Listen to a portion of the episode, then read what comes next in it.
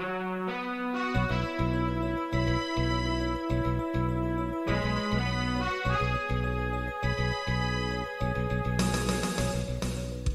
listening to Radio Free Asia. The following program is in Khmer.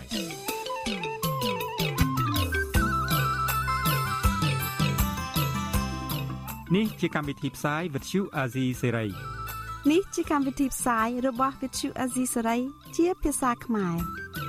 ភាសាខ្មែរ Vuthu Azizi Serai សូមស្វាគមន៍លោកអ្នកនាងទាំងអស់ពីរដ្ឋធានី Washington នៃសហរដ្ឋអាមេរិក។ចាប់ពីរដ្ឋធានី Washington នាងខ្ញុំម៉ៅសុធានីសូមជម្រាបសួរលោកអ្នកស្ដាប់ទាំងអស់ជាទីមេត្រីចាយើងខ្ញុំសូមជូនការផ្សាយសម្រាប់ព្រឹកថ្ងៃពុទ្ធ11កើតខែមិញឆ្នាំខាលចត្វាស័កពុទ្ធសករាជ2566ហើយដល់ត្រូវនឹងថ្ងៃទី1ខែកុម្ភៈគ្រិស្តសករាជ2023 ចាជាដំបូងនេះសូមអញ្ជើញលោកអ្នកនាងកញ្ញាស្ដាប់ព័ត៌មានប្រចាំថ្ងៃដែលមានមេត្តាដូចតទៅ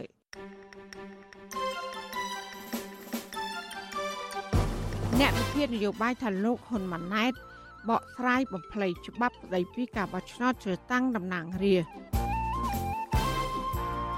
លោករងឈុនថាការចូលរួមជាមួយគណៈបកភ្លើងទៀនគឺដើម្បីលើកស្ទួយយុត្តិធម៌សង្គមនិងប្រជាធិបតេយ្យ អង្គការដំឡាភិបអន្តរជាតិថាកម្ពុជា នៅតែមានអំពើពុករលួយធ្ងន់ធ្ងរបរដ្ឋនិងអាជ្ញាធរមូលដ្ឋានខេត្តព្រៃវែង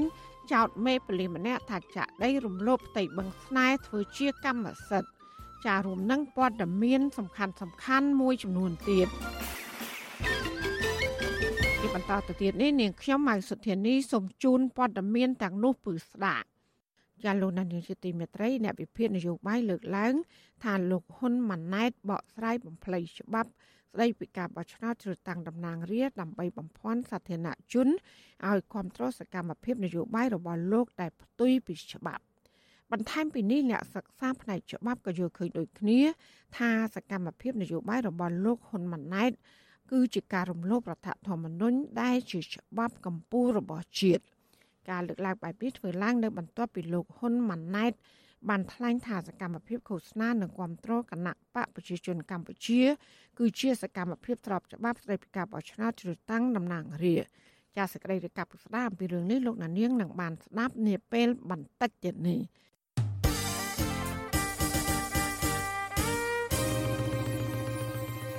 ចាលោកណានៀងជាទីមេត្រីលោករងឈុនប្រកាសធ្វើនយោបាយជាមួយគណៈបកភ្លើងទៀនដើម្បីអាចបំរើប្រយោជន៍របស់កម្មករគ្រូបង្រៀននិងប្រជាប្រដ្ឋកាន់តែទលំទលាយជាងមុនគណៈបកភ្លើងទៀនចាត់ទុកលោករងឈុនថាជាធនធានមនុស្សដ៏សំខាន់ម្នាក់ហើយដែលអាចជួយការងារគណៈបកសម្រាប់ការបោះឆ្នោតនាពេលខាងមុខចាអ្នកស្រីសុជីវីរាយការណ៍ពុស្ដាជំវិញព័ត៌មាននេះ គណៈបកភ្លើងទៀនប្រកាសស្វាគមន៍យ៉ាងកក់ក្ដៅចំពោះការសម្រេចចិត្តចូលរួមជីវភាពនយោបាយរបស់លោករងឈុនជាមួយគណៈបកនេះទោះយ៉ាងណាគណៈបកនេះនៅមិនទាន់បង្ហាញថានឹងផ្ដល់តួនាទីអ្វីជូនលោករងឈុននៅឡើយទេលោករងឈុនបានសរសេរលិខិតមួយច្បាប់ស្នើសុំចូលរួមជីវភាពនយោបាយជាមួយគណៈបកភ្លើងទៀននៅថ្ងៃទី31ខែមករាលោករងឈុនបញ្ជាក់ថាការសម្រេចចូលរួមធ្វើនយោបាយជាមួយគណៈបកភ្លើងទៀននេះ ដើម្បីសម្រេចបំណងប្រាថ្នារបស់ពលរដ្ឋដែលចង់បានសេរីភាពយុត្តិធម៌ការពារសិទ្ធិមនុស្សនិងលទ្ធិប្រជាធិបតេយ្យលោករំលឹកថាលោកចូលរួមជាមួយគណៈបកភ្លើងទៀននេះគឺធ្វើឡើងតាមសំណុំពររបស់ថ្នាក់ដឹកនាំសកម្មជន និងអ្នកគាំទ្រគណៈបកភ្លើងទៀនថ្លែងក្នុងសន្និសីទសារព័ត៌មាននៅព្រឹកថ្ងៃទី31ខែមករាលោករងឈុនយល់ថាការសម្រេចចិត្តរបស់លោកនៅពេលនេះ ជាការបិទទំព័រចាស់ពីអ្នកការពារសិទ្ធិកម្មករសិទ្ធិគ្រូបង្រៀននិងជាអ្នកឃ្លាំមើលបញ្ហាព្រំដែនមកបើកទំព័រថ្មី ជាអ្នកនយោបាយវិញម្ដងទោះជាបែបនេះក្តីលោកថាការងារជាអ្នកនយោបាយនេះមិនមែនមានន័យថាលោកបោះបង់កម្មករឬគ្រូបង្រៀនទេតែលោកយល់ថាការធ្វើនយោបាយជាមួយគណៈបកភ្លើងទៀននឹងអាចឲ្យលោកបំរើផលប្រយោជន៍កម្មករគ្រូបង្រៀននិងពលរដ្ឋបានកាន់តែធំទូលាយជាងមុន លោកបន្តថាវត្តមានរបស់លោកនៅពេលនេះនឹងធ្វើឲ្យពលរដ្ឋដែលនិយមកណ្ដាលផ្សេងទៀតងាកមកគ្រប់គ្រងគណៈបកភ្លើងទៀនថែមទៀតអញ្ចឹងយើងរំពឹងនៅពេលថ្ងៃ23កក្កដាខាងមុខនេះនឹងមានការប្រែប្រួលខ្លាំងនឹងធ្វើឲ្យប្រជាពលរដ្ឋដែលមួយចំនួនគាត់នៅកដាល ឬអ្នកដែលកំពុងរងចាំគណៈបកសង្គ្រោះជាតិ ងាកត្រឡប់មកវិញខ្ញុំគិតថានៅពេលដែលមានវត្តមានខ្ញុំបងប្អូនដែលកំពុងរងចាំត្រគណៈបកភ្លើងទៀនលោករងឈុនរំពឹងថាវត្តមានរបស់លោកបូកជាមួយគណៈបកភ្លើងទៀននឹងធ្វើឲ្យគណៈបកនេះពង្រឹងអធិបុលរបស់ខ្លួនហើយคล้ายជាគណៈបកឈ្នះឆ្នោតនាថ្ងៃទី23ខែកក្កដាខាងមុខអញ្ចឹងខ្ញុំត្រូវសម្រេចចិត្តដើម្បីយកគេថាអធិបុលរបស់ខ្ញុំបូកជាមួយគណៈបក មួយដែលមានសក្តានុពលហើយបូកជាមួយអធិបុលខ្ញុំដើម្បីឲ្យកម្លាំងនយោបាយនឹងកាន់តែខ្លាំងលោករងឈុនជាអតីតសមាជិកគណៈកម្មាធិការជាតិរៀបចំការបោះឆ្នោតជាប្រធានសហភាពសហជីពកម្ពុជា ជាទីប្រឹក្សាសមាគមគ្រូបង្រៀនកម្ពុជាឯករាជ្យនិងជាសមាជិកឃ្លាំមើលកម្ពុជាផងដែរការបំពេញការងារបម្រើសង្គមជិតមួយជីវិតរបស់លោកនេះលោកនៅមិនទាន់មានប្រពន្ធឬកូននៅឡើយទេ ភ្លាមភ្លាមក្រោយការប្រកាសរបស់លោករងឈុនអ្នកនាំពាក្យគណៈបកភ្លើងទៀនលោកកឹមសួភិរិទ្ធឲ្យវិទ្យុអាស៊ីសេរីដឹងថាគណៈបកភ្លើងទៀនត្រូវការធនធានមនុស្សដោយលោករងឈុននេះលោកអះអាងទៀតថាបើទោះបីជាលោករងឈុនមិនទៀមទាតួនាទីក្នុងគណៈបកភ្លើងទៀនក្តីក៏គណៈបករបស់លោកក៏ពុំគិតគូរផ្ដល់តួនាទីល្អមួយជូនលោករងឈុនដែរ និយាយរួមទៅវាជាព័ត៌មានដ៏រំភើបហើយរីករាយខ្លាំងណាស់សម្រាប់គណៈនាំក៏ដូចជាគណៈបកទាំងមូលរបស់គណៈបកទាំងទៀនទាំងមូលណាព្រោះអីលោករងឈុនយើងដឹងហើយគាត់ជាធនធានមនុស្សដ៏ល្អបាទជាការពិតហើយព្រោះលោករងឈុនគាត់អត់មកក៏អត់មានទៀមទីអីទេណាគាត់មកគឺដោយសារការស្ម័គ្រចិត្តអញ្ចឹងនេះខ្ញុំជឿជាក់ថាគណៈបកនឹងពិចារណាផ្ដល់ទូនីតិយ៉ាងសំខាន់ទៅដល់គាត់នៅពេលអនាគតតកតងនឹងការចូលធ្វើនយោបាយរបស់លោករងឈុនជាមួយគណៈបកភ្លើងទៀន អ្នកនាំពាក្យគណៈបកកាន់អំណាចលោកសុកអេសានលើកឡើងថានេះមិនមែនជារឿងចម្លែកទេព្រោះកន្លងមកលោករងឈុនតែងតែធ្វើសកម្មភាពនិងមានទស្សនៈប្រឆាំងរដ្ឋាភិបាលស្រាប់ទៅហើយលោកក៏មិនព្រួយបារម្ភថាគណៈបកប្រជាជនកម្ពុជាចាញ់ឆ្នោតគណៈបកភ្លើងទៀនព្រោះវត្តមានរបស់លោករងឈុននៅពេលនេះដែរ។ គាត់ធ្វើសកម្មភាពគាត់និយាយពាក្យនិយាយសកម្មភាពបូហាសាសគាត់ហើយនៅសកម្មភាពគាត់ខាងប្រឆាំងថាគាត់ទៅចូលខាងប្រឆាំងវានៅដដែលថាទេមិនសមាជិកបកក៏មិនតែគាត់មានទស្សនៈប្រឆាំងអញ្ចឹងនេះគាត់ទៅចូលប្រឆាំងមានអីប្លែកគាត់នៅតែរងជន់ប្រឆាំងដដែលហ្នឹងការហក់ចូលទីលាននយោបាយជាមួយគណៈបកភ្លើងទៀនរបស់លោករងជុននៅពេលនេះគណៈមេដឹកនាំគណៈបកភ្លើងទៀនចំនួន3រូបកំពុងជាប់បណ្ដឹងនៅតុលាការក្នុងនោះ អនុប្រធានគណៈបកភ្លើងទៀនលោកថៃសេដ្ឋាកំពុងជាប់ឃុំនៅពន្ធនាគារក្នុងសំណុំរឿងចេញសាច់ដែលអត់មានលុយចំនួន5សន្លឹកបើទោះជាលោករងឈុនសពថ្ងៃនេះអាចធ្វើសកម្មភាពការពារសិទ្ធិមនុស្សនិងការងារសង្គមបានក្តីប៉ុន្តែលោកក៏កំពុងជាប់ក្តីក្តាំនៅតុលាការដែរតុលាការក្រុងភ្នំពេញបានផ្តន្ទាទោសលោករងឈុនឲ្យជាប់ពន្ធនាគារ2ឆ្នាំពីបទញុះញង់ឲ្យមានភាពវឹកវរធ្ងន់ធ្ងរដល់សន្តិសុខសង្គមដោយសារតែលោក បានចេញសេចក្តីថ្លែងការណ៍កាលពីខែកក្កដាឆ្នាំ2020ជំរុញឲ្យរដ្ឋាភិបាលដាក់យោធាការពារព្រំដែននិងប្រគល់ដីក្បែរព្រំដែននៅក្នុងស្រុកពញាក្រៃខេត្តត្បូងឃ្មុំឲ្យអ្នកភូមិវិញបន្ទាប់ពីអ្នកភូមិអះអាងថាបានបាត់បង់ដីស្រែដោយសារតែការបោះបង្គោលព្រំដែនរវាងកម្ពុជានិងវៀតណាមកាលពីចុងឆ្នាំ2021សាឡាវតូបានដោះលែងលោករងឈុនឲ្យនៅក្រៅឃុំដោយកាត់តម្រឹមឲ្យអនុវត្តទោសនៅក្នុងពន្ធនាគារ ត្រឹម15ខែ11ថ្ងៃហើយទោសដែលនៅសល់8ខែ19ថ្ងៃទៀតត្រូវបានព្យួរពាក់ព័ន្ធនឹងរឿងនេះវិទ្យុអាស៊ីសេរីមិនអាចសុំការបញ្ជាក់ពីអ្នកនាំពាក្យសាលាដំបងរាជធានីភ្នំពេញលោកអ៊ីរិននិងប្រធានតុលាការក្រុងភ្នំពេញលោកតាំងសុនឡាយបានទេ នៅថ្ងៃទី31ខែមករារីឯអ្នកនាំពាក្យគណៈបកប្រជាជនកម្ពុជាលោកសុកអេសានយល់ថាសំណុំរឿងរបស់លោករងឈុននៅតុលាការនិងការសម្រេចចិត្តរបស់លោករងឈុនមកចូលរួមនយោបាយជាមួយគណៈបកភ្លើងទៀន ជារឿងពីរដាច់ដោយឡែកពីគ្នាចំណែកអ្នកជំនាញវិទ្យាសាស្ត្រនយោបាយនិងកិច្ចការអន្តរជាតិលោកអែមសវណ្ណរាលើកឡើងថាប្រព័ន្ធតុលាការនៅកម្ពុជាគឺជារឿងដែលពិបាកស្មានជំវិញការធ្វើនយោបាយរបស់លោករងឈុនលោកយល់ថា គឺជារឿងល្អទាំងគណៈបកភ្លើងទៀននិងលោករងឈុន ទស្សនៈខ្ញុំជាគំរូវាជាតាបញ្ញត្តិស្មារតីអ្នកប្រជាធិបតេយ្យឬក៏អ្នកដែលចង់ចូលរួមជាមួយនឹងគណៈបកភ្លើងទៀនហ្នឹងកាន់តែមានចិត្តទៀនឬចូលរួមជាមួយនឹងគណៈបកក្រៅរដ្ឋាភិបាលដូចជាគណៈបកភ្លើងទៀនលែងសូវខ្លាចលែងទៅអីអានេះជាតែថាគំរូជាជំហានមួយដែលបោះជំហានឲ្យអ្នកផ្សេងមើលអញ្ចឹងចំណុចនេះវាល្អសម្រាប់គណៈបព្វភ្លើងទៀនហើយក៏វាល្អសម្រាប់លោករងជន មុនពេលសម្រាប់ចិត្តចូលរួមជីវភាពនយោបាយជាមួយគណៈបកភ្លើងទៀនលោករងឈុនបានសិក្សាជាមួយមេធាវីរបស់លោកពីសំណុំរឿងដែលលោកកំពុងជាប់ក្តីក្តាំនៅតុលាការលោករងឈុនឲ្យដឹងថាក្នុងចំណោមបំរាមដែលហាមឃាត់លោកតុលាការហាមលោកមិនឲ្យផ្លាស់ប្ដូរទីលំនៅ និងចេញទៅក្រៅប្រទេសប៉ុន្តែតុលាការមិនបានហាមលោកមិនឲ្យធ្វើនយោបាយឡើយនាងខ្ញុំសូជីវីវិទ្យុអាស៊ីសេរីពីរដ្ឋធានី Washington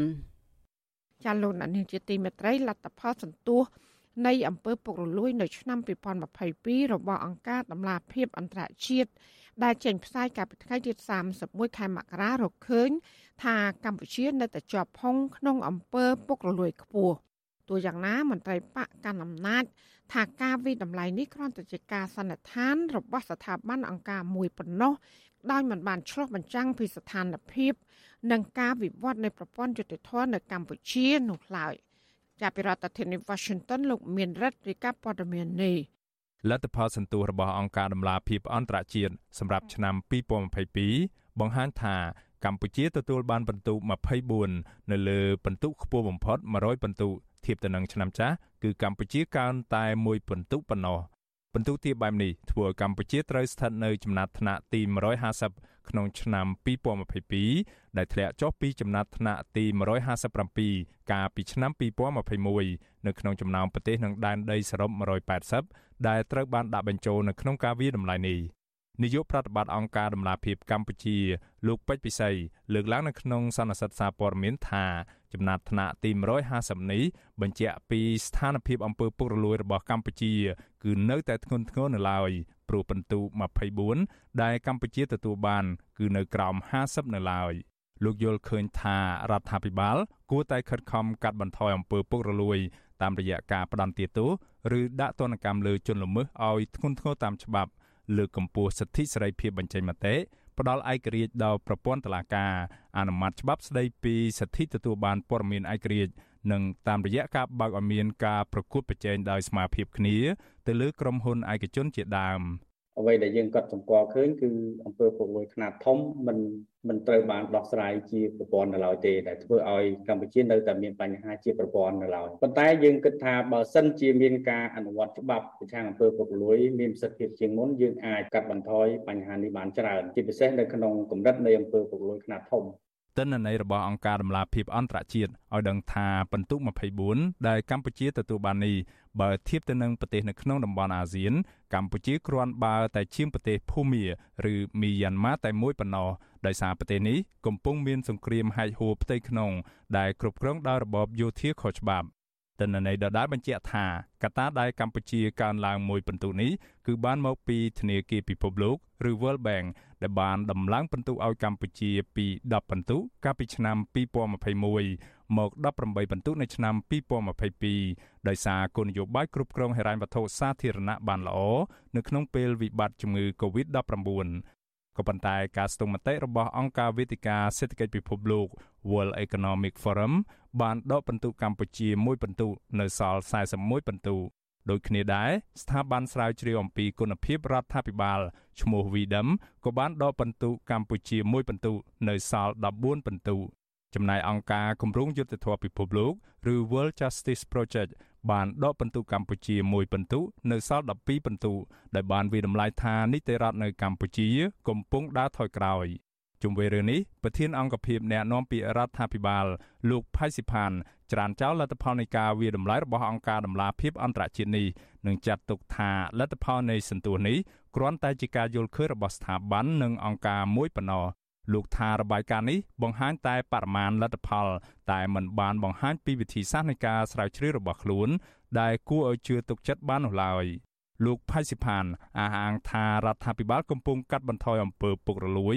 ដោយធ្វើទៅតាមលទ្ធភាពថវិកាដែលរដ្ឋាភិបាលមាននិងការកែតម្រង់តាមប្រព័ន្ធផ្សេងៗដូចជាការបើកប្រាក់បៀវត្សតាមរយៈធនាគារជាដើម ខ្ញុំខ្ញុំមើលគាត់ជាព័ត៌មានមួយសម្រាប់យើងចាប់អារម្មណ៍ទេក៏ប៉ុន្តែយើងអត់មានជំនឿទេដោយសារពេលយើងអត់ដឹងអំពីរបៀបរបបនៃឯកាចំណាត់ថ្នាក់ក្នុងបណ្ដឹងពីធ្វើរបៀបម៉េចតែយើងអត់យល់អាហ្នឹងគឺយើងមិនដឹងមិនដឹងឲ្យគុណភាពនៃរបាយការណ៍នៅរបៀបម៉េចដោយសារយើងអត់យល់ ផ្ទុយពីការអះអាងនេះតាមរយៈបទបង្ហាញរបស់អង្គការដំឡាភិបកម្ពុជា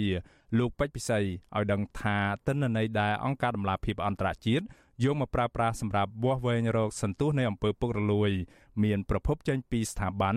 ឬអង្គការអន្តរជាតិឯករាជ្យចំនួន8សម្រាប់ការកណនាដែលមានការទទួលស្គាល់នៅទូទាំងពិភពលោក និងជាទិន្នន័យដែលមានភាពត្រឹមត្រូវច្បាស់លាស់ ប្រភពទិន្នន័យទាំងនោះត្រូវបានយកចេញពីធនាគារពិភពលោក World Bank អង្គការ Freedom House និងអង្គការគម្រោងយុទ្ធធម៌ពិភពលោក World Justice Project ជាដើមបើតាមលទ្ធផលនៃសន្ទុះរបស់អង្គការដំឡាភិបអន្តរជាតិប្រទេសដែលមានចំណាត់ថ្នាក់អំពើពុករលួយខ្ពស់ជាងគេគឺប្រទេសសូម៉ាលីដែលមាន12ពិន្ទុហើយប្រទេសដែលមានអំពើពុករលួយទាបជាងគេបំផុតនៅលើពិភពលោកគឺប្រទេសដាណឺម៉ាកដែលមាន90ពិន្ទុ ទាក់ទងនឹងរឿងនេះអ្នកសិក្សាផ្នែកច្បាប់នៅកម្ពុជាលោកវ៉ុនចាន់ឡូតមើលឃើញថាការថយចុះនៃអំពើពុករលួយមួយពិន្ទុរបស់កម្ពុជានៅឆ្នាំ2022គឺកើតចេញពីការរៀបចំផ្តល់សេវាសាធារណៈនិងការកែសម្រួលផ្នែកច្រកចេញចូលតែមួយក៏ប៉ុន្តែលោកថាទស្សនវិជ្ជាជារួមគឺនៅតែមានភាពអវិជ្ជមានដដែល លោកវ៉ុនចាន់ឡូតយល់ឃើញថាអំពើពុករលួយនៅកម្ពុជាអាចលុបបំបាត់បានទាំងស្រុងនិងប្រកបដោយប្រសិទ្ធភាពគឺត្រូវតែពឹងផ្អែកលើឆន្ទៈអ្នកនយោបាយនិងការដាក់ចេញនូវផែនការគោលនយោបាយពីបណ្ដាគណៈបកនយោបាយជាពិសេសគឺបកកណ្ដាលអំណាចគណៈស្ថាប័នដែលមានសមត្ថកិច្ចលើផ្នែកនេះត្រូវរក្សាគោលជំហរឯករាជ្យនិងអព្យាក្រឹតរបស់ខ្លួនប្រព័ន្ធនីតិរដ្ឋដែលវាអាចដំណើរការទៅបានគឺត្រាតែមាននៅតុល្យភាពនៃអំណាច កន្លែងហ្នឹងគឺការបែងចែកអំណាចគឺឲ្យសាច់ឲ្យឯករាជ្យចេញពីគ្នាហ្នឹងទៅអាចធានាបានហើយបើសិនជាគ្មាននៅតុល្យភាពអំណាចដូចកម្ពុជាយើងនេះទេយើងនិយាយពីនីតិរដ្ឋវាពិបាកឆ្ពោះទៅកាន់នៅភាពល្អប្រសើរបាទសន្ទុះនៃអំពើពុករលួយនៅកម្ពុជានារយៈពេល10ឆ្នាំចុងក្រោយនេះហាក់គ្មានការប្រែប្រួលច្រើននោះឡើយដោយកម្ពុជាទទួលបានពិន្ទុបន្ថែមតែ2ពិន្ទុប៉ុណ្ណោះ ក្រុមអ្នកតាមដានសង្គមមើលឃើញថារដ្ឋាភិបាលលោកនាយរដ្ឋមន្ត្រីហ៊ុនសែនដែលដឹកនាំកម្ពុជាអស់រយៈពេលជាង30ឆ្នាំមកនេះខ្វះឆន្ទៈពិតប្រាកដដើម្បីប្រឆាំងនឹងអំពើពុករលួយដោយសារតែក្បាលម៉ាស៊ីននៅក្នុងជួររដ្ឋាភិបាលក៏ជាប់ពាក់ព័ន្ធនឹងទទួលបានផលប្រយោជន៍ពីការប្រព្រឹត្តអំពើពុករលួយនេះដែរទន្ទឹមនឹងការធ្លាក់ចុះនីតិរដ្ឋនិងមានកម្រិតខ្ពស់នៃអំពើពុករលួយកម្ពុជាក៏កំពុងជាប់ផុងនិងរើខ្លួនមិនរួច ចេញពីបញ្ជីប្រភេទនៃក្រមប្រទេសលៀងលួយកខ្វក់ដែលជាប់ឈ្មោះថាជាឋានសួគ៌នៃកន្លែងលៀងលួយកខ្វក់នៅលើពិភពលោកដែលក្រុមអ្នកមានលុយមានអំណាចខុបខិតគ្នាប្រមូលលុយដែលបានមកពីអំពើពុករលួយ និងអំពើក្រិតនានា បង្វិលយកទៅលាក់ទុកនៅក្រៅប្រទេសខ្ញុំបាទមេរិត Visual C ស្រីពីរដ្ឋធានី Washington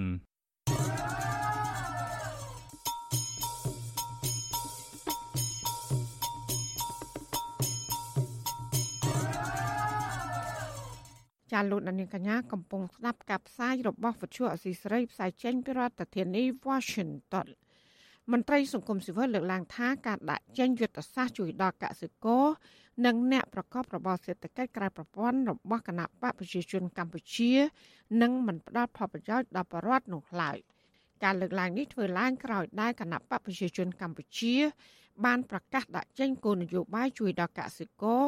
និងអ្នកប្រកបរបរក្រៅប្រព័ន្ធនៅមុនការបោះឆ្នោតជ្រើសតាំងតំណាងរាស្ត្រនៅខែកក្កដាខាងមុខតើមូលហេតុអ្វីបានជាសង្គមស៊ីវិលអះអាងយ៉ាងដូចនេះចាសសេចក្តីរាយការណ៍ពិស្ដារពីរឿងនេះលោកណានៀងក៏នឹងបានស្ដាប់នាពេលបន្តិចទៀតនេះចាសសូមអរគុណ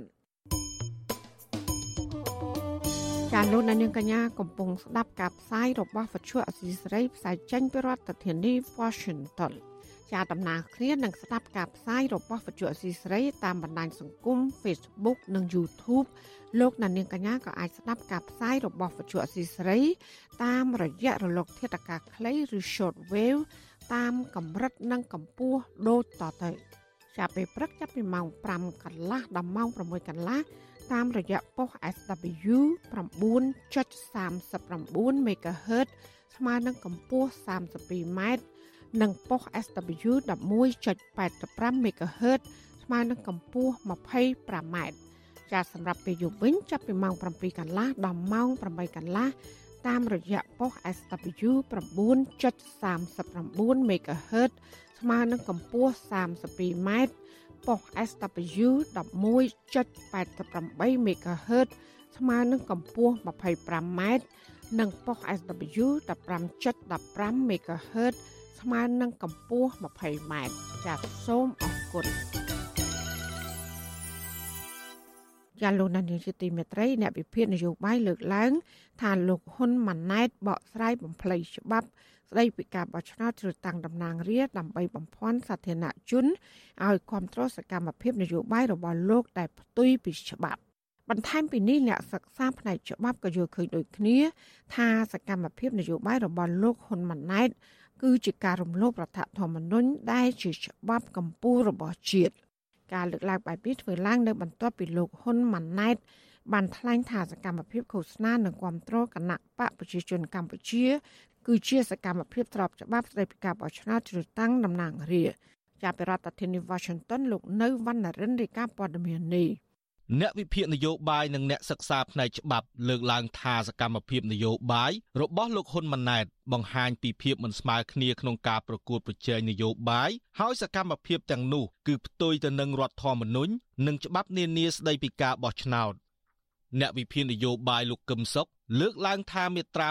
83នៃច្បាប់ស្តីពីការបោះឆ្នោតជ្រើសតាំងតំណាងរាស្ត្រអនុញ្ញាតឲ្យកងយុទ្ធពលខេមរៈភូមិន្ទនគរបាលជាតិនិងមន្ត្រីតុលាការអាចចូលរួមក្នុងសកម្មភាពឃោសនាគាំទ្រចំពោះគណៈបកណាមួយក្រៅម៉ោងការងារតែនៅក្នុងរដូវកាលឃោសនាបោះឆ្នោតដែលមានរយៈពេលត្រឹមតែ1ខែតែប៉ុណ្ណោះ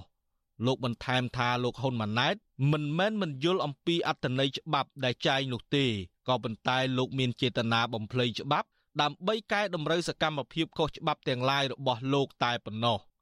នៅពេលដែលគណៈបកប្រជាជនកម្ពុជាលោកនាយករដ្ឋមន្ត្រីហ៊ុនសែនលោកហ៊ុនម៉ាណែតដឹងថាអានឹងគឺជាការបំពានច្បាប់ទៅហើយនៅតែបំពានម្ដងហើយម្ដងទៀតអ្នកទាល់តែពិនិត្យអំពីផ្លូវច្បាប់រំលាយគណៈបកប្រជាជនកម្ពុជាចោលពីព្រោះគណៈបកប្រជាជនកម្ពុជាជាអ្នកដឹកនាំធ្វើច្បាប់នឹងតាគណៈបកប្រជាជនកម្ពុជាជាអ្នកកែច្បាប់នឹងតាគណៈបកប្រជាជនកម្ពុជាដឹងទាំងអស់អំពីខ្លឹមសារច្បាប់នឹងស្រដៀងគ្នានេះដែរ អ្នកសិក្សាផ្នែកច្បាប់លោកវ៉ុនចាន់ឡូតយល់ឃើញថាបើទោះជាច្បាប់ស្ដីពីការជ្រើសតាំងតំណាងរាស្ត្រអនុញ្ញាតឲ្យមន្ត្រីយោធាអាចចូលគាំទ្រគណៈបកនយោបាយណាមួយ នៅក្នុងរដូវកាលឃោសនាបោះឆ្នោតក្តីក៏ប៉ុន្តែសកម្មភាពឃោសនានៅមុនរដូវកាលបែបនេះគឺធ្វើឡើងដោយអធម្មនុញ្ញភាពដែលមានន័យថាធ្វើឡើងផ្ទុយពីច្បាប់កម្ពុជារបស់ជាតិ មានតែប្រទេសកុម្មុយនីសទេដែលគេអនុវត្តអញ្ចឹងគឺកងកម្លាំងប្រដាប់អាវុធតឡាការឬក៏អីពាក់ព័ន្ធទាំងអស់ដែលជាស្ថាប័នអព្យាក្រឹតហ្នឹងជាសមាជិកបកឬក៏នៅក្រោមអធិបុលរបស់បកតែបើប្រទេសសេរីអត់ទេការបកស្រាយដោយសំអាងទៅលើច្បាប់ហ្នឹងថាយើងអាចធ្វើបានអាហ្នឹងវាគ្រាន់តែជា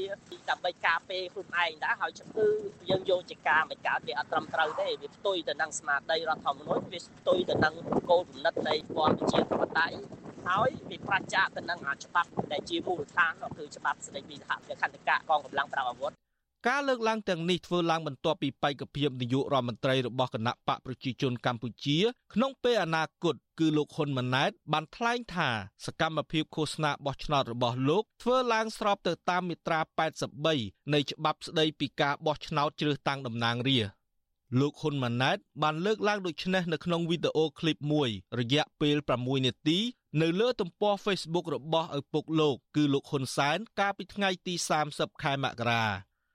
សួរលោកប្អូនឬអ្នកវិភាគដែលចោទខ្ញុំតើខ្ញុំដែលពាក់កៅអៅយោធាឲ្យឃោសនាឲ្យគ្រប់គ្រងគណៈបព្វជិជនបើមានដាក់ឧបថតហ្នឹងមកខ្ញុំអត់ទេថ្ងៃនេះខ្ញុំពាក់ស៊ីវិលក្រៅម៉ោងធ្វើការជាកងទ័ពថ្ងៃសៅរ៍ខ្ញុំអត់ខុសទេច្បាប់មានច្បាស់ប្អូនទៅមើលឡើងវិញ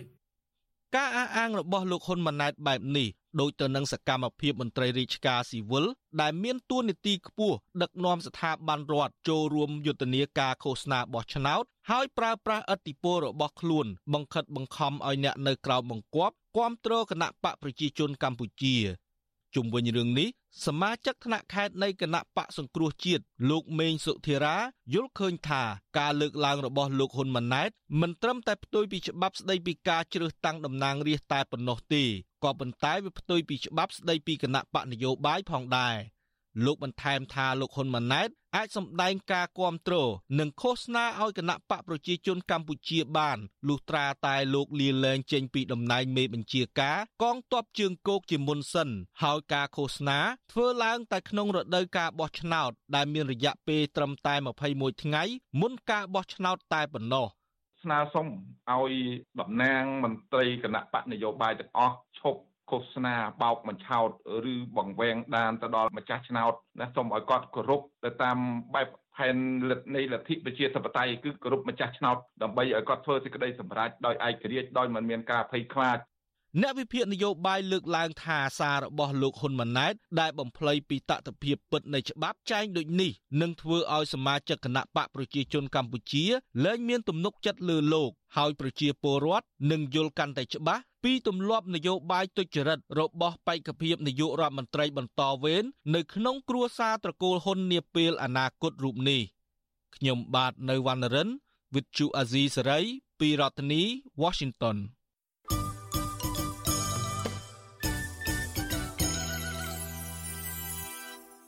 ចាលោកអ្នកស្ដាប់ទីមេត្រីដែលឡាយតាក់ទងនឹងសកម្មជនចលនាមេដាធម្មជាតិវិញ ប្រធានតឡាដំបងរាជធានីភ្នំពេញបានទទួលសំណើរបស់ពួកគេ ដែលសុំបដូរប្រធានក្រុមប្រឹក្សាជំនុំជម្រះនៅក្នុងសំណុំរឿងប្រមាថអង្គ5មហាក្សត្រនិងរួមកំណត់ក្បត់ សាលាដំបងរាជធានីភ្នំពេញបានប្រាប់មេធាវីការពីក្តីរបស់សកម្មជនចលនាមេដាធម្មជាតិថាលោកជួបព្រមតាមដំណើរសុំផ្លាស់ប្ដូរប្រធានក្រុមប្រឹក្សាជំនុំជម្រះនិងលើកពេលសវនាការថ្ងៃ6ខែកុម្ភៈទៅថ្ងៃក្រោយវិញក៏ប៉ុន្តែមិនទាន់បានកំណត់ពេលវេលាច្បាស់លាស់នៅឡើយសកម្មជនចលនាមេដាធម្មជាតិលោកថនរដ្ឋាប្រាប់បច្ចុប្បន្នអសីស្រី កាលពីថ្ងៃទី31ខែមករាថាលោកនិងយុវជនទាំង5នាក់ទៀត មិនមានជំនឿថានឹងទទួលបានយុត្តិធម៌នោះទេពីព្រោះថាការចាប់ប្រកាន់មានសភាពធ្ងន់ធ្ងរមកលើពួកលោក ដែលធ្វើកិច្ចការងារការពារបរិស្ថាននិងធនធានធម្មជាតិលោកក៏អំពាវនាវដល់ប្រជាពលរដ្ឋទាំងក្នុងនិងក្រៅប្រទេសចូលរួមតាមដាននិងទាមទារឲ្យមានការទម្លាក់ចោលបទចោតប្រកាន់មកលើពួកលោកបីបើទោះបីជាចៅក្រោះមិនផ្ដល់យុទ្ធធម៌ឲ្យយើងប៉ុន្តែប្រជាពលរដ្ឋខ្មែរតែងតែផ្ដល់យុទ្ធធម៌សម្រាប់ពួកយើងអញ្ចឹងពួកយើងចុងក្រោយមានតែអរគុណ តែកាន់បងប្អូនទាំងអស់គ្នាដែលតែងតែគ្រប់គ្រងហើយជឿជាក់លើការពិតមិនជឿជាក់លើការប្រឌិតរបស់គេហៅថាប៉លិសផងចៅក្រមផងដែលចាប់ប្រកាន់ពួកយើងទាំងអយុត្តិធម៌ហើយខុសខើតឡាការបានដោះលែងឲ្យក្រុមសកម្មជនចលនាមេដាធម្មជាតិនៅក្រៅឃុំបណ្ដោះអាសន្នកាលពីខែវិច្ឆិកាឆ្នាំ2021ដោយចោទប្រកាន់ពីបទប្រមាថប្រមាថក្សត្រនិងរួមកំណត់ក្បត់ នៅដើមឆ្នាំ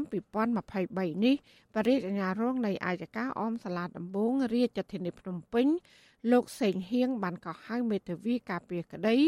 សកម្មជនបរិស្ថានទាំងនោះគឺលោកសំចម្រើន និងកូនក្តីទាំង6រូបនោះរួមមានកញ្ញាឡុងគុន្ធា កញ្ញាសុនរដ្ឋាកញ្ញាភួនកែរស្មី លោកលីចន្ទរាវុធលោកយឹមលៀងហ៊ីនិងលោកថនរដ្ឋា ឲ្យចូលរួមសវនកម្មជាលើកទី1កាលពីថ្ងៃទី6ខែមករាកន្លងទៅនេះ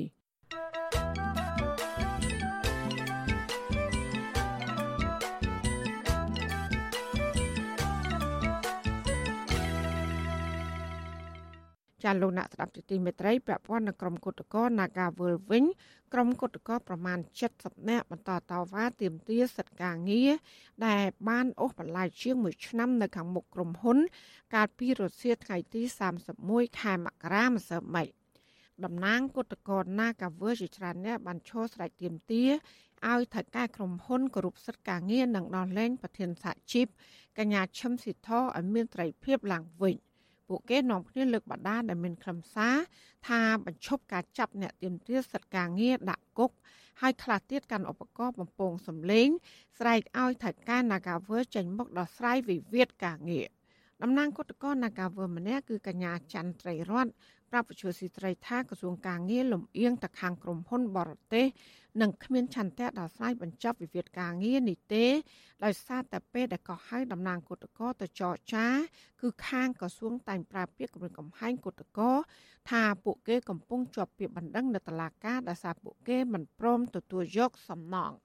ពួកខ្ញុំមានតែស្នើសុំឲ្យក្រសួងពាក់ព័ន្ធនឹងឈប់ធ្វើមិនដឹងឈប់ធ្វើមិនលឺហើយដោះស្រាយឲ្យកម្មករខ្មែរទៅដោះស្រាយពួកខ្ញុំទៅវាស្ដារមុខមាត់ប្រទេសផងហើយចិត្តបោះឆ្នោតគណៈរដ្ឋមន្ត្រីខាងមុខនេះដែរអញ្ចឹងណាហើយពួកខ្ញុំវិវាទការងារទេហេតុអីក៏បដ ாய் ឲ្យពួកខ្ញុំធ្វើកោតកម្មរយៈពេលមួយឆ្នាំជាងជាពិសេសខ្ញុំស្នើទៅដល់សម្ដេចសម្ដេចហ៊ុនសែនគាត់បើក្រសួងពាក់ព័ន្ធមិនមានលទ្ធភាពក្នុងការដោះស្រាយជាមួយតកែ Nagavel នឹងទេអញ្ចឹងមានតែសម្ដេចនឹងឯងខ្ញុំមើលឃើញថាមានតែសម្ដេចដែលអាចជួយអន្តរាគមន៍ពួកខ្ញុំបានហើយកុំទុកពួកខ្ញុំចោលពួកខ្ញុំជាកម្មករពួកខ្ញុំក៏ធ្វើការរាប់ឆ្នាំធ្វើការកាត់តាក់ជូនរដ្ឋដែរក្រុមគុតកោអះអាងថាបើទោះបីជាពួកគាត់រងនៅភាពអយុត្តិធម៌និងមានការបង្កកប្រាក់នៅធនាគារ ABA យ៉ាងណាក៏ដោយក៏ក្រុមគុតកោនៅតែប្រកាន់ជំហរទៀមទាដដែលពួកគាត់ថាការគម្រាមកំហែងទាំងនេះมันអាចធ្វើពួកគាត់បាក់ស្មារតីនិងឈប់ធ្វើកតកម្មទៀមទារោគដំណោះស្រាយនោះឡើយ មកដល់ពេលនេះក្រៅពីមិនទទួលបានការដោះស្រាយក្រុមគុតកោនៅតែរងការធ្វើទុកបុកម្នេញពីជនស្លៀកពាក់ស៊ីវិលដែលតាមឃ្លាំមើលពួកគាត់ជាញឹកញាប់ក្រោយពីពួកគាត់ត្រឡប់ទៅផ្ទះនិងមានអ្នកខ្លះទៀតទទួលសារគំរាមពីជនមិនស្គាល់មុខទៀតផង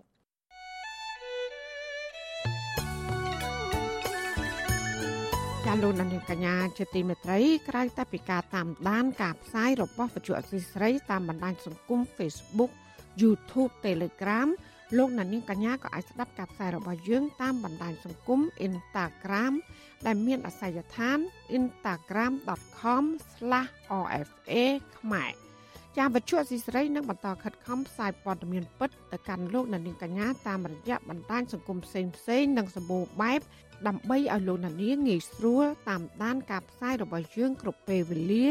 និងគ្រប់ទីកន្លែងតាមរយៈទូរស័ព្ទដៃរបស់លោកអ្នក ចាសសូមអរគុណ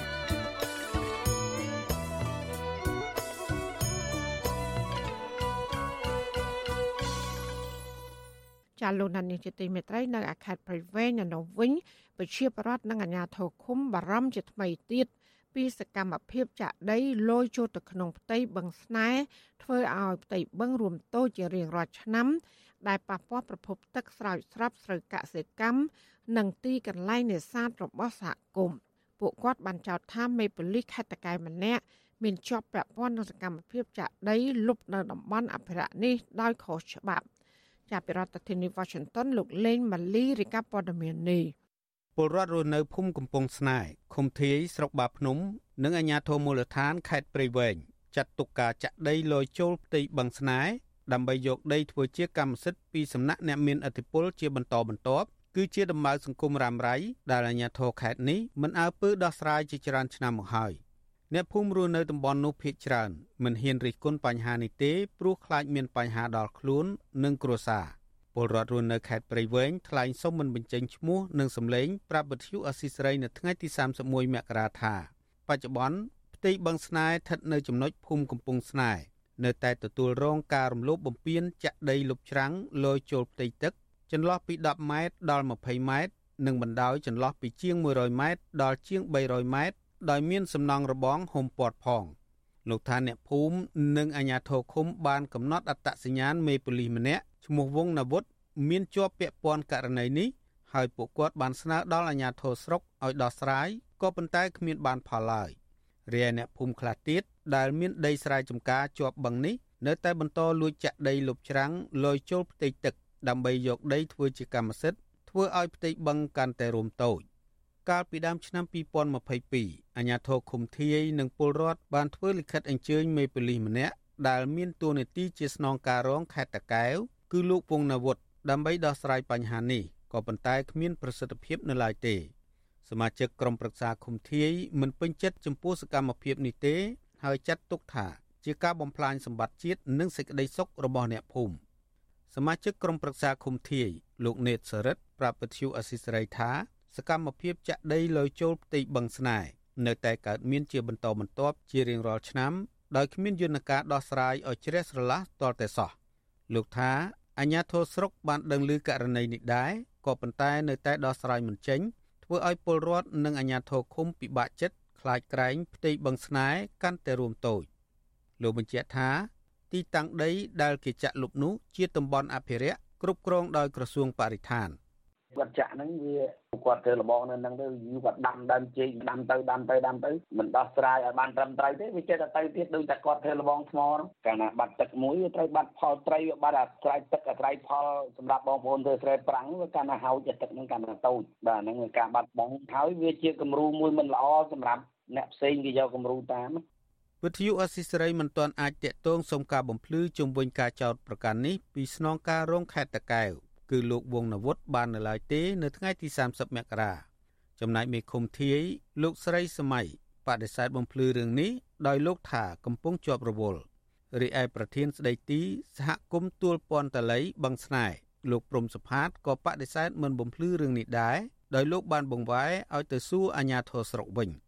សមាជិកក្រុមប្រឹក្សាឃុំធាយ លោកនេតសរិទ្ធបន្ថែមថាក្រោយពីចាក់ដីលយចូលផ្ទៃបឹងអស់រាប់សិបម៉ែត្រធ្វើឲ្យរំហូរទឹកប្រែប្រួលរាំងស្ទះការធ្វើនាវាចរនិងបាត់បង់ទីកន្លែងនេសាទ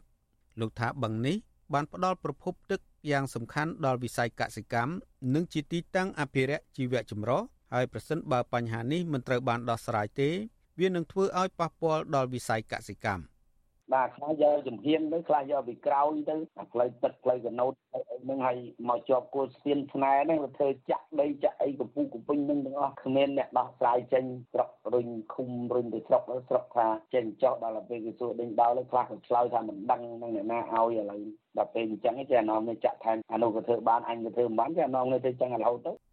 ជុំវិញរឿងនេះប្រធានមជ្ឈមណ្ឌលប្រជាពលរដ្ឋដើម្បីអភិវឌ្ឍនិងសន្តិភាព លោកយងកំឯងចាត់ទុកទង្វើនេះថា ជាគំរូដ៏អាក្រក់មួយដែលរដ្ឋាភិបាលគួរតែចាត់វិធានការដោះស្រាយជាបន្ទាន់លោកថាករណីនេះជាចំណុចអវិជ្ជមានប៉ះពាល់ដល់ជីវភាពប្រជាពលរដ្ឋនិងធនធានធម្មជាតិ មន្ត្រីគួរថាប្រឹងប្រែងការពារនៅសម្បត្តិធនធានធម្មជាតិតំបន់បឹងដែលអភិរក្សយើងឃើញហើយថាជាបរដ្ឋនេះត្រូវការយកទឹកប្រើប្រាស់ឬក៏ជីវៈប្រុសអីផ្សេងផ្សេងបាទសម្រាប់គ្នាអាស្រ័យផលអីជីវភាពប្រចាំថ្ងៃអីខ្លះខ្លះបានបាទកាលពីដើមឆ្នាំ2021លោកនាយករដ្ឋមន្ត្រីហ៊ុនសែនបានចេញអនុក្រឹត្យបង្កើតតំបន់ដីសើមទួលពន្ធតល័យបឹងស្នេហ៍ជាកន្លែងអភិរក្សជីវៈចម្រុះដែលគ្រប់គ្រងដោយក្រសួងបរិស្ថាន តំបន់នេះមានផ្ទៃទឹកនិងដីជាង3500ហិកតា នៅរដូវវស្សា ហើយនៅរដូវប្រាំងមានផ្ទៃទឹកទំហំជាង2000ហិកតា ទំហំដីព្រៃលិចទឹក អ្នកភូមិតំបន់នោះហៅថាទួលពាន់តល័យជាកន្លែងអភិរក្សសត្វស្លាបដែលមានទំហំជិត100ហិកតា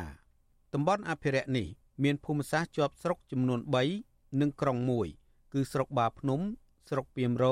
ស្រុកស្វាយអន្តរនិងក្រុងព្រៃវែង ដែលមានប្រជាពលរដ្ឋចំនួន23ភូមិឬស្មើនឹងពលរដ្ឋ4000គ្រួសាររស់នៅព័ទ្ធជុំវិញ ហើយទទួលប្រយោជន៍ពីតំបន់អភិរក្សមួយនេះតាមរយៈវិស័យទេសចរធ្វើកសិកម្មនិងនេសាទត្រី អ្នកភូមិថាសកម្មភាពចាក់ដីរំលោភយកផ្ទៃបឹងស្នេហ៍និងច្រាំងអមសងខាងបឹងនៅតែកើតមានស្ទើរតែគ្រប់តំបន់ដែលភ្នាក់ច្រើន គឺអ្នកមានលុយមានអំណាចខ្ញុំបាទលេងម៉ាលីវិទ្យុអស៊ីសេរីពីរដ្ឋធានី Washington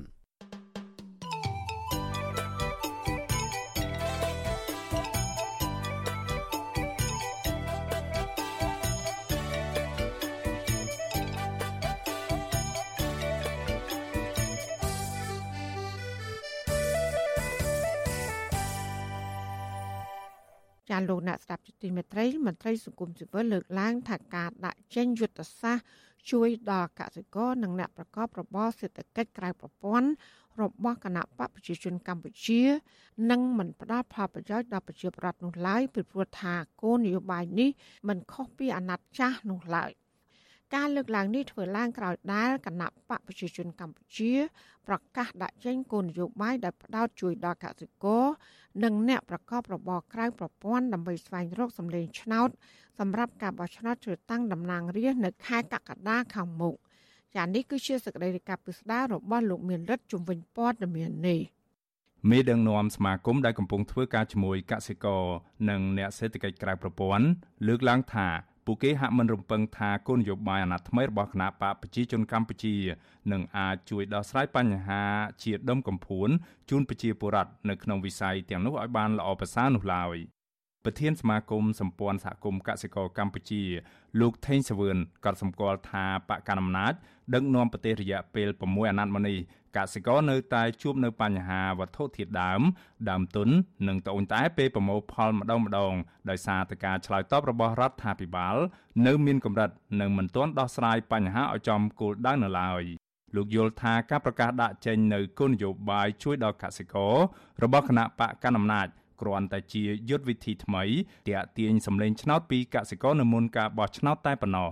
លោកថេងសវឿនបញ្ជាក់ថាការតាក់តែងគោលនយោបាយយកមកបង្ហាញមិនមែនជាការលំបាកនោះទេសម្រាប់គណៈបកនយោបាយក៏ប៉ុន្តែលោកថាបញ្ហាសំខាន់ត្រូវពិនិត្យលើការអនុវត្តនិងដំណោះស្រាយជាក់ស្ដែង ថាតើមានប្រសិទ្ធភាពដោយតាមការអះអាងនៅមុនការបោះឆ្នោតដែរឬទេ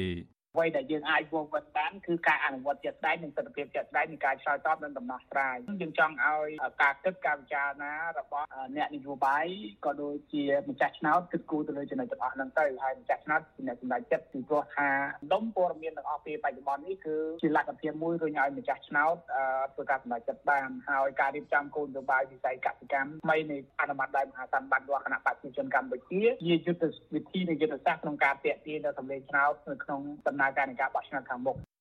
ចំណែកប្រធានសមាគមប្រជាធិបតេយ្យឯករាជ្យនៃសេដ្ឋកិច្ចក្រៅប្រព័ន្ធលោកវុនពៅថ្លែងថាបច្ចុប្បន្នអ្នកប្រកបរបរក្រៅប្រព័ន្ធភាគច្រើន មានជីវភាពខ្វះខាតដោយសារតែពួកគេពិបាករកប្រាក់ចំណូល ដែលអ្នកនយោបាយត្រូវយកចិត្តទុកដាក់ដោះស្រាយសម្រាប់អាណត្តិថ្មីនេះលោកសាទរចំពោះគោលនយោបាយរបស់គណៈបកប្រជាជនកម្ពុជា ដែលផ្ដល់បានក្រីក្រ ឬបានបេឡារបបសន្តិសុខសង្គមឡើងវិញ ក៏ប៉ុន្តែលោកយល់ថាបានទាំងនេះគ្រាន់តែជាដំណោះស្រាយមួយក្នុងចំណោមបញ្ហាជាច្រើនតែប៉ុណ្ណោះពីព្រោះអ្នកប្រកបរបរក្រៅប្រព័ន្ធត្រូវការរដ្ឋាភិបាលយកចិត្តទុកដាក់ស្ដារមុខរបរផ្ដល់មុខរបរថែទាំសុខភាពទូទៅនិងជួយជំរុញឲ្យពលរដ្ឋដោះខ្លួនចេញពីអន្ទាក់បំណុលធនាគារជាដើមយើងសូមឲ្យអ្វីដែលលើកក្នុងគោលនយោបាយទៅស្អីនៅក្នុងกระดาษ របស់បកហ្នឹងគឺត្រូវអនុវត្តជាក់ស្ដែងតែម្ដងយើងមិនចង់ឃើញការលើកនៅក្នុងមហាសន្និបាតឬក៏សរសេរក្នុងគោលនយោបាយរបស់បកគឺល្អឥតខ្ចោះប៉ុន្តែការអនុវត្តពិតវានៅមានកម្រិតអាហ្នឹងវាជារឿងមួយដែលបកនឹងការទទួលយកបានហើយបើសិនជាអនុវត្តដោយតែមានចែងនៅក្នុងគោលនយោបាយសរសេររបស់បកហ្នឹងជាពិសេសបកការអំណាចនេះគឺយើងសាទរបើសិនជាអនុវត្តបាន ប្រតិកម្មនេះធ្វើឡើងបន្ទាប់ពីគណៈបកកណ្ដាលអំណាចដាក់ចេញគោលនយោបាយផ្ដោតលើកសិករនិងអ្នកប្រកបរបរសេដ្ឋកិច្ចក្រៅប្រព័ន្ធនិងក្នុងប្រព័ន្ធដើម្បីស្វែងរកការគ្រប់គ្រងសម្រាប់ការបោះឆ្នោតជ្រើសតាំងតំណាងរាស្ត្រអាណត្តិទី7 អ្នកនាំពាក្យគណៈបកប្រជាជនកម្ពុជា លោកសុកអេសានថ្លែងក្នុងសន្និសីទសារព័ត៌មានក្រោយបិទបញ្ចប់មហាសន្និបាតបកកាលពីល្ងាចថ្ងៃទី29ខែមករាថាកម្មវិធីនយោបាយនេះមិនខុសពីអាណត្តិចាស់នោះទេដោយគណៈបកគ្រាន់តែពង្រឹងនិងជំរុញបន្ថែមទៀតលោកបញ្ជាក់ថាគណៈបកប្រជាជនកម្ពុជានឹងជួយដល់កសិករតាមរយៈការបញ្ជូនអ្នកជំនាញដល់ភូមិឃុំ បង្រៀនបច្ចេកទេសផលិត ជួយទុននិងរកទីផ្សារលក់ផលិតផលជាដើម លោកបន្តថាកម្មវិធីមួយទៀតគណៈបកក៏ជួយដល់អ្នកប្រកបមុខរបរក្រៅប្រព័ន្ធដែរជុំវិញការផ្ដល់បានបេឡារបបសន្តិសុខសង្គមឬបានក្រីក្រជាដើមដើម្បីជួយសម្រួលដល់បញ្ហាលំបាកផ្នែកជីវភាព។ ឥឡូវនេះគឺថាយើងជួយគាំពៀទាំងអស់រហូតទៅដល់រាជរដ្ឋាភិបាលដែលមហាដែលមហាសន្និបាតបានធ្វើលើកឡើងនេះគឺថាលើកទិសដៅដើម្បីដាក់ប្រភពទុនរាប់រយលានដុល្លារដើម្បីទទួលទិញនៅកសិផលមួយចំនួនដើម្បីគាំពៀកុំឲ្យតម្លៃកសិផលនេះត្រូវបានឈ្មួញកណ្ដាលនេះវាបន្ទាបថ្លៃដែលធ្វើឲ្យកសិករយើងរងផលប៉ះពាល់នៅ បញ្ហាលក់កសិផលនេះដែលដែលកន្លងទៅយើងធ្លាប់ជួបប្រទេសហើយហើយយកយើងយកបញ្ហាប្រឈមរបស់កសិករនេះយកមកធ្វើដើម្បីរកវិធីវិធានការដោះស្រាយនេះឲ្យបានសមស្រប ទោះជាយ៉ាងណាក្រោមការដឹកនាំរបស់លោកនាយរដ្ឋមន្ត្រីហ៊ុនសែនទោះបីជាមានការផ្លាស់ប្តូរក្បាលម៉ាស៊ីនថ្នាក់ដឹកនាំក្រសួងកសិកម្មថ្មីយ៉ាងណាក្តីក៏ប្រជាពលរដ្ឋនៅតែលើកឡើងពីទុកកង្វល់របស់ពួកគេជាបន្តបន្ទាប់ទាក់ទងនឹងបញ្ហាកង្វះទីផ្សារកសិផលតម្លៃជីថ្នាំនិងសម្ភារៈកសិកម្មលើទីផ្សារឡើងថ្លៃហើយពលរដ្ឋជួបទុក្ខលំបាកជីវភាពប្រចាំថ្ងៃ កន្លងទៅប្រជាកសិករនិងអ្នកប្រកបមុខរបរសេដ្ឋកិច្ចក្រៅប្រព័ន្ធតែងស្នើដល់រដ្ឋាភិបាលឲ្យរៀបចំគោលនយោបាយជួយស្ដារមុខរបរនិងអាជីវកម្មរបស់ពួកគាត់ឲ្យប្រសើរឡើងវិញតាមរយៈការផ្តល់សេវាគាំពារសង្គមធានានៅតម្លៃកសិកម្មបញ្ចុះតម្លៃថ្នាំនិងជីកសិកម្មនិងប្រេងសាំងជាចាំបាច់ក៏ប៉ុន្តែមកដល់ពេលនេះរដ្ឋាភិបាលមិនទាន់មានចំណាត់ការដោះស្រាយឲ្យមានប្រសិទ្ធភាពនៅឡើយទេ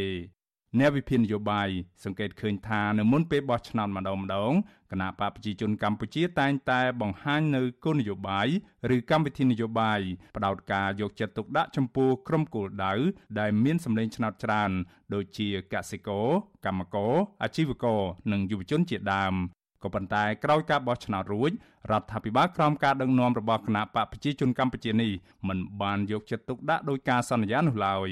លើសពីនេះទៀតកន្លងទៅពលរដ្ឋណាដែលហ៊ានងើបតវ៉ាឬចេញស្វែងរកកិច្ចអន្តរាគមន៍ពីរដ្ឋាភិបាលវិញពួកគេតែងតែរងនឹងការបង្ក្រាបចោតប្រកាន់ចាប់ដាក់ពន្ធនាគារទាំងអយុត្តិធម៌ដោយពាក្យស្លោកមួយពោលថា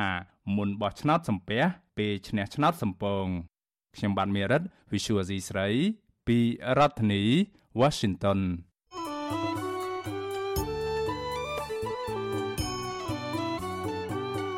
ចាលោកនាងជាទីមេត្រីក្នុងឱកាសនេះដែរនាងខ្ញុំសូមថ្លែងអំណរគុណ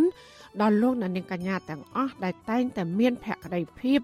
ចំពោះការផ្សាយរបស់យើងហើយចាត់ទុកការស្ដាប់បច្ចុប្បន្នស៊ីសេរីគឺជាផ្នែកមួយនៃសកម្មភាពប្រចាំថ្ងៃរបស់លោកនាងការគ្រប់គ្រងរបស់លោកនាងនេះហើយដែលធ្វើឲ្យយើងខ្ញុំមានទឹកចិត្តកាន់តែខ្លាំងថែមទៀតក្នុងការស្វែងរកនិងផ្តល់ព័ត៌មានជូនដល់លោកនាង ចាំមានអ្នកស្ដាប់អ្នកទស្សនាកាន់តែច្រើនកាន់តែធ្វើយើងខ្ញុំមានភាពស្វាហាប់មោះមុតជាបន្តទៀតចាយើងខ្ញុំសូមអរគុណទុកជាមុនហើយក៏សូមអញ្ជើញលោកដានៀងកញ្ញាចូលរួមជំរុញឲ្យសកម្មភាពផ្តល់ព័ត៌មានរបស់យើងនេះកាន់តែទទួលបានជោគជ័យបន្ថែមទៀតចាលោកដានៀងអាចជួយយើងខ្ញុំបានដោយគ្រាន់តែចុចចែករំលែកឬ share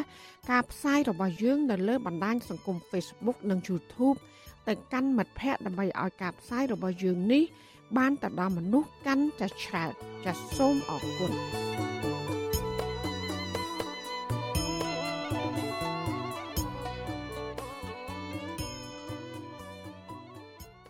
ចាលោកអ្នកស្ដាប់យុតិមេត្រីក្រមយុវជននិងប្រសង់ស្នើដល់រដ្ឋាភិបាលកម្ពុជាឲ្យចាប់អារម្មណ៍អំពីសុខទុក្ខរបស់ប្រជារដ្ឋខ្មែរក្រោមដែលពួកគាត់ ព្យាយាមខំថែរក្សាទំនៀមទម្លាប់ប្រពៃណីខ្មែរនិងប្រតិបត្តិជំនឿព្រះពុទ្ធសាសនាការអំពាវនាវនេះធ្វើឡើងក្រោយពីក្រមយុវជននិស្សិតប្រសង់និងប្រជាប្រដ្ឋប្រមាណ740នាក់បានទៅធ្វើទស្សនកិច្ចសិក្សារយៈពេល3ថ្ងៃ កាលពីខែមករាឆ្នាំ2023នៅដែនដីកម្ពុជាក្រោមក្នុងខេត្តចំនួន3រួមមានខេត្តឃ្លាំងព្រះត្រពាំងនិងទីក្រុងព្រៃនគរ ចាលោកលេម៉ាលីមានសេចក្តីរាយការណ៍ពិស្ដារជំវិញស្ថានភាពរបស់បរដ្ឋខ្មែរក្រោមដូចតទៅក្រមយុវជននិងព្រះសង្ឃអំពាវនាវដល់រដ្ឋាភិបាលកម្ពុជាឲ្យបង្កើនទំនាក់ទំនងជាមួយពលរដ្ឋខ្មែរក្រោមឲ្យបានច្រើនតាមរយៈការធ្វើទស្សនកិច្ចពីមន្ត្រីរដ្ឋាភិបាលកម្ពុជាទៅកាន់ដែនដីកម្ពុជាក្រោមដើម្បីធ្វើបុណ្យទាននិងសួរសុខទុក្ខពលរដ្ឋខ្មែរក្រោមពួកគាត់ទទូចដល់រដ្ឋាភិបាលកម្ពុជាឲ្យលើកយកបញ្ហាប្រឈមនានា ទាក់ទិននឹងការរឹតបន្តឹងសិទ្ធិសេរីភាពប្រតិបត្តិជំនឿសាសនារបស់ពលរដ្ឋខ្មែរក្រោមពីសំណាក់អាជ្ញាធរវៀតណាមទៅជជែកផ្ទាល់ជាមួយប្រមុខដឹកនាំវៀតណាមដោយគ្នានឹងមេដឹកនាំវៀតណាមដែលតែងតែស្នើសុំលោកនាយករដ្ឋមន្ត្រីហ៊ុនសែនឲ្យជួយដល់ពលរដ្ឋរបស់ខ្លួនដែលកំពុងរស់នៅលើទឹកដីកម្ពុជាខុសច្បាប់ឲ្យទទួលបានការរស់នៅដោយស្របច្បាប់វិញវិទ្យុអស៊ីសេរីមិនអាចតាក់ទងសុំការបំភ្លឺរឿងនេះ ពីប្រធានអង្គភិបអ្នកណែនាំពាក្យរដ្ឋាភិបាល លោកផៃស៊ីផាន បាននៅឡើយទេដោយសារទូរស័ព្ទហៅចូលគ្មានអ្នកទទួលព្រះសង្ឃគង់នៅវត្តមួយក្នុងរាជធានីភ្នំពេញដែលបានចូលរួមទស្សនកិច្ចសិក្សានៅកម្ពុជាក្រោមគឺព្រះដេចប្រគុណផនផន មានធរណីកាថាព្រះអង្គភ្ញាក់ផ្អើលនឹងរំភើបនៅពេលឃើញពលរដ្ឋខ្មែរក្រោមរាប់ពាន់នាក់ចូលរួមពិធីបុណ្យបញ្ចុះខណ្ឌសីមានៅវត្តមួយក្នុងខេត្តឃ្លាំង ព្រះអង្គស្នើដល់ពលរដ្ឋខ្មែរឲ្យចាប់អារម្មណ៍អំពីស្ថានភាពពលរដ្ឋខ្មែរក្រោមដើម្បីបង្ហាញប្រាប់អាជ្ញាធរវៀតណាមថាពលរដ្ឋខ្មែររស់នៅគ្រប់ទីកន្លែងស្រឡាញ់រាប់អានគ្នាជាឈាមជ័រតែមួយធ្វើម៉េចឲ្យគាត់យកចិត្តទុកដាក់ដឹងអំពីសុខទុក្ខដឹងថាខ្មែរក្រមនិងខ្មែរកដាលនឹងជាខ្មែរតែមួយព្រោះខ្មែរក្រមយើងនៅខាងក្រោមនេះគឺច្រើនមែន10លានអ្នកជាមិនកាលពីដើមឆ្នាំ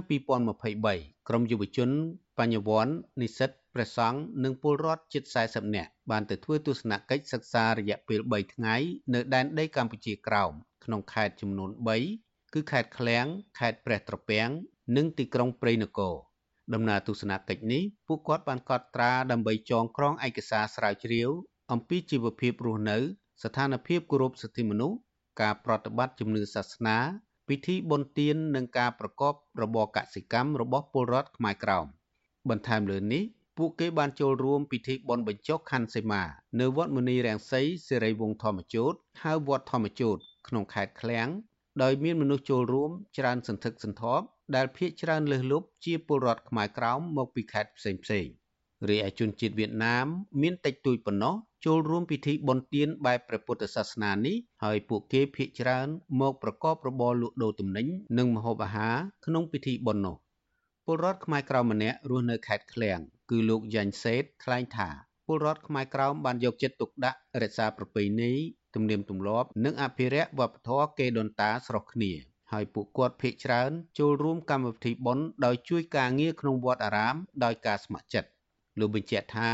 យុវជនខ្មែរក្រោមភ័យច្រើន មានស្មារតីជាតិនិយម និងស្រឡាញ់ជាតិខ្មែរច្រើនជាងជាតិសាសន៍វៀតណាមហើយពួកគាត់បានតស៊ូរៀនសូត្រអក្សរខ្មែរនៅវត្តអារាមនានាលោកថាមកទល់ពេលនេះ អាញាធរវៀតណាមនៅតែរដ្ឋបិទពលរដ្ឋខ្មែរមិនឲ្យនាំចូលឯកសារពីក្រៅប្រទេសយកមកតម្កល់ទុកក្នុងវត្តអារាមទេហើយបើសិនជាបងប្អូនយើងដឹងពីប្រវត្តិសាស្ត្រយើងបងប្អូននឹងមានសម្ដេចនឹងចាប់អារម្មណ៍ហើយអញ្ចឹងហើយយើងត្រូវផ្សព្វផ្សាយហើយជាសាច់ខាងផ្នែកវប្បធម៌ខាងប្រវត្តិសាស្ត្រយើងដែនដីកម្ពុជាក្រោមក្នុងខេត្តឃ្លាំងខេត្តព្រះត្រពាំងនិងព្រៃនគរមានស្ថានដីរាបស្មើសម្បូរដីល្បាប់មានជីជាតិប្រព័ន្ធធារាសាស្ត្រខ្វាត់ខ្វែងអំណោយផលធ្វើកសិកម្មដំណាំស្រូវ ដាំឈូកខ្នុរចេកដូងតឿ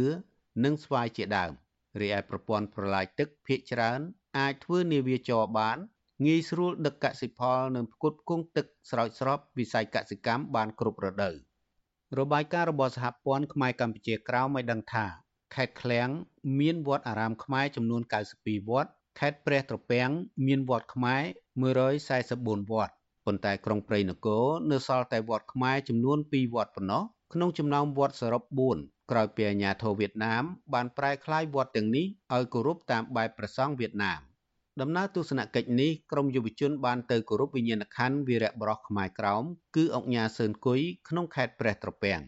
ព្រះសង្ឃនិងក្រុមយុវជន បានសូត្រមន្តបង្សកូលឧទ្ទិសបុណ្យកុសលជូនអង្គញារូបនេះនិងព្រលឹងដូនតាខ្មែរក្រោមដែលពលីជីវិតការពារទឹកដី។ ពួកគេថតរូបនិងវីដេអូភ្ជាប់នឹងដើមឈើទាលដ៏ធំមួយដែលអង្គញាសឿនគុយដាំដោយមានអាយុកាលជិត200ឆ្នាំមកហើយដើមឈើទាលនេះជានិមិត្តរូបនៃការលះបង់ជីវិតដើម្បីបុព្វហេតុការពារជាតិមាតុភូមិកម្ពុជាក្រោមរបស់ចៅហ្វាយគុយអតីតអភិបាលខេត្តព្រះត្រពាំងព្រះតេជគុណភីសម្បូរមានធរៈដីកាថា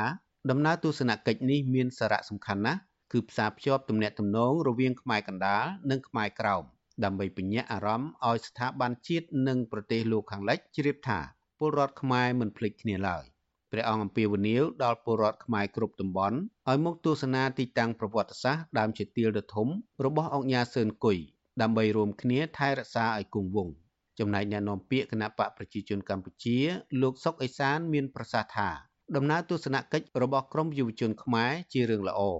ក៏ប៉ុន្តែលោកថាកន្លងទៅ ពលរដ្ឋខ្មែរក្រោមបានធ្វើបាតកម្មទាមទារទឹកដីកម្ពុជាក្រោមពីវៀតណាម ដែលលោកចាត់ទុកថាពិបាកនឹងទៅរួចណាស់ហើយមកទល់ពេលនេះពលរដ្ឋខ្មែរក្រោមច្រើនលើសលប់បានចូលសញ្ជាតិវៀតណាមទៅហើយលោកបញ្ជាក់ថា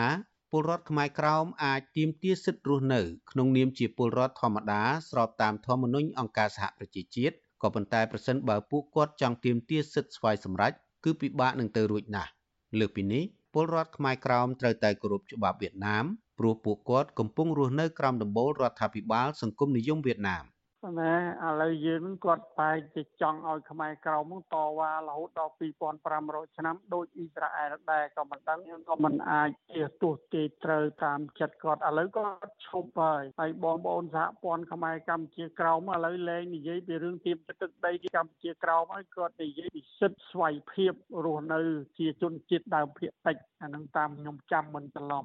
ជុំវិញរឿងនេះដែរ ប្រធានតំបន់សហព័ន្ធខ្មែរកម្ពុជាក្រោមប្រចាំប្រទេសកម្ពុជា លោកតាំងសារៈចាត់ទុកដំណើរទស្សនកិច្ចនេះដោយបង្ហាញក្តីសង្ឃឹមថាទំនាក់ទំនងខ្មែរកណ្ដាលនិងខ្មែរក្រោមល្អប្រសើរច្រើននិងផ្ដល់ភាពកក់ក្ដៅឲ្យគ្នាទៅវិញទៅមកលោកសង្ឃឹមថាពលរដ្ឋខ្មែរកណ្ដាលនឹងកាន់តែយល់ច្បាស់អំពីស្ថានភាពរស់នៅជីវភាពនិងការរក្សាទំនៀមទម្លាប់ប្រពៃណីអក្សរសាស្ត្ររួមទាំងការប្រើប្រាស់ភាសាខ្មែររបស់ពលរដ្ឋខ្មែរក្រោម នេះគឺជាចំណុចដែលខ្ញុំចាប់អារម្មណ៍យ៉ាងខ្លាំងហើយនឹងមានក្តីសង្ឃឹមថាទំនាក់ទំនងរវាងខ្មែរទាំងពីរភូមិភាគនេះពីមួយថ្ងៃទៅមួយថ្ងៃគឺកាន់តែយល់គ្នាកាន់តែច្បាស់ពីព្រោះនៅកន្លងមកតែតែមានបងប្អូនខ្មែរនៅកម្ពុជាកណ្ដាលខ្លាំងយល់ឃើញថាបងប្អូនខ្មែរកម្ពុជាក្រមនោះគឺជាយួនដូចជាវៀតណាមអញ្ចឹងណាកាលពីឆ្នាំ1969គណៈកម្មការព្រះសង្ឃខ្មែរក្រោមភៀកខាងត្បូងបានធ្វើជំរឿនដោយរកឃើញថា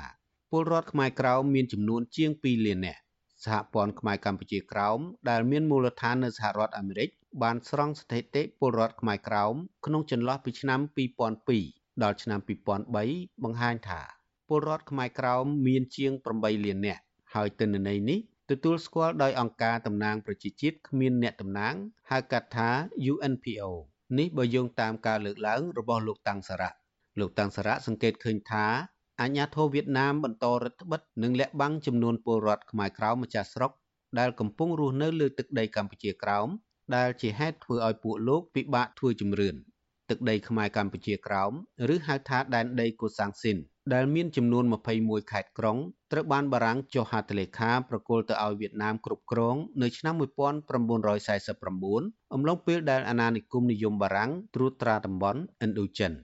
ខ្ញុំបាទលេងម៉ាលីវិទ្យុអស៊ីសេរីរាយការណ៍ពីរដ្ឋធានី Washington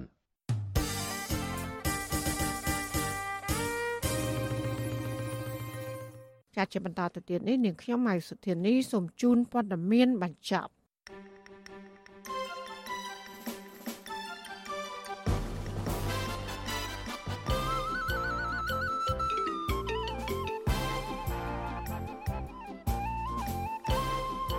អ្នកវិភាគនយោបាយលើកឡើងថាលោកហ៊ុនម៉ាណែតបកស្រាយបំភ្លៃច្បាប់ស្ដីពីការបោះឆ្នោតជ្រើសតាំងតំណាងរាស្ត្រដើម្បីបំភាន់សាធារណជនឲ្យគ្រប់គ្រងសកម្មភាពនយោបាយរបស់លោកដែលផ្ទុយពីច្បាប់បន្ថែមពីនេះអ្នកសិក្សាផ្នែកច្បាប់ក៏យល់ឃើញដូចគ្នា ថាសកម្មភាពនយោបាយរបស់លោកហ៊ុនម៉ាណែតគឺជាការរំលោភរដ្ឋធម្មនុញ្ញដែលជាច្បាប់កម្ពុជារបស់ជាតិការលើកឡើងបែបនេះធ្វើឡើងនៅបន្ទាប់ពីលោកហ៊ុនម៉ាណែត បានថ្លែងថាសកម្មភាពឃោសនានិងគ្រប់គ្រងគណៈបកប្រជាជនកម្ពុជា គឺធ្វើឡើងដោយស្របតាមច្បាប់ស្តីពីការបោះឆ្នោតជ្រើសតាំងតំណាងរាស្ត្រចាលោកនានីជាទីមេត្រីលោករងឈុនប្រកាសធ្វើនយោបាយជាមួយគណៈបកភ្លើងទៀនដើម្បីអាចបំរើប្រយោជន៍របស់កម្មករគ្រូបង្រៀននិងប្រជាពលរដ្ឋកាន់តែទលំទលាយជាងមុន។ គណៈបកភ្លើងទៀនចាត់ទុកលោករងឈុនថាជាធនធានមនុស្សដ៏សំខាន់ម្នាក់ហើយដែលអាចជួយការងារគណៈបកសម្រាប់ការបោះឆ្នោតនាពេលខាងមុខចាលោកអ្នកនាងជាទីមេត្រីលទ្ធផលសន្ទុះ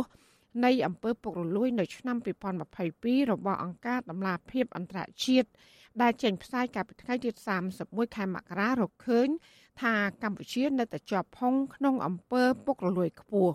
ទោះយ៉ាងណាមន្ត្រីបកកណ្ដាលអំណាច ថាការវិតម្លៃនេះគ្រាន់តែជាការសន្និដ្ឋាន របស់ស្ថាប័នអង្គការមួយប៉ុណ្ណោះដោយមិនបានឆ្លុះបញ្ចាំងពីស្ថានភាពនិងការវិវត្តនៃប្រព័ន្ធយុតិធម៌នៅកម្ពុជានោះឡើយ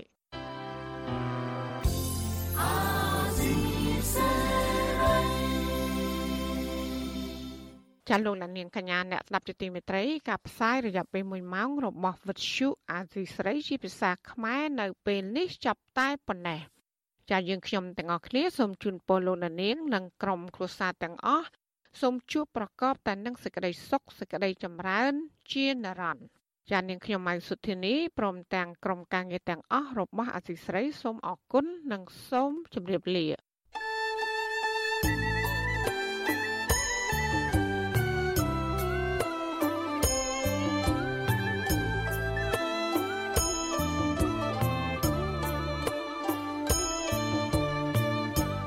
Vithu Azisari ផ្សាយតាមរលក ធារកាសខ្លី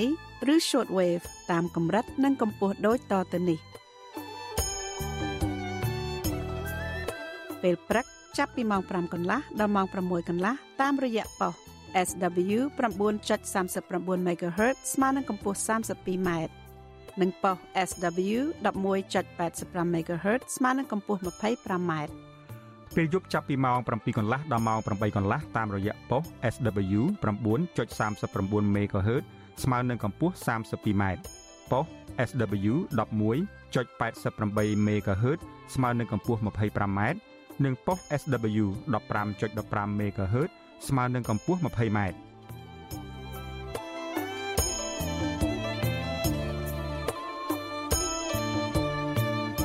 លោកអ្នកនាងក៏អាចស្ដាប់ការផ្សាយផ្ទាល់តាមប្រព័ន្ធអ៊ីនធឺណិតដោយចូលទៅកាន់គេហទំព័រ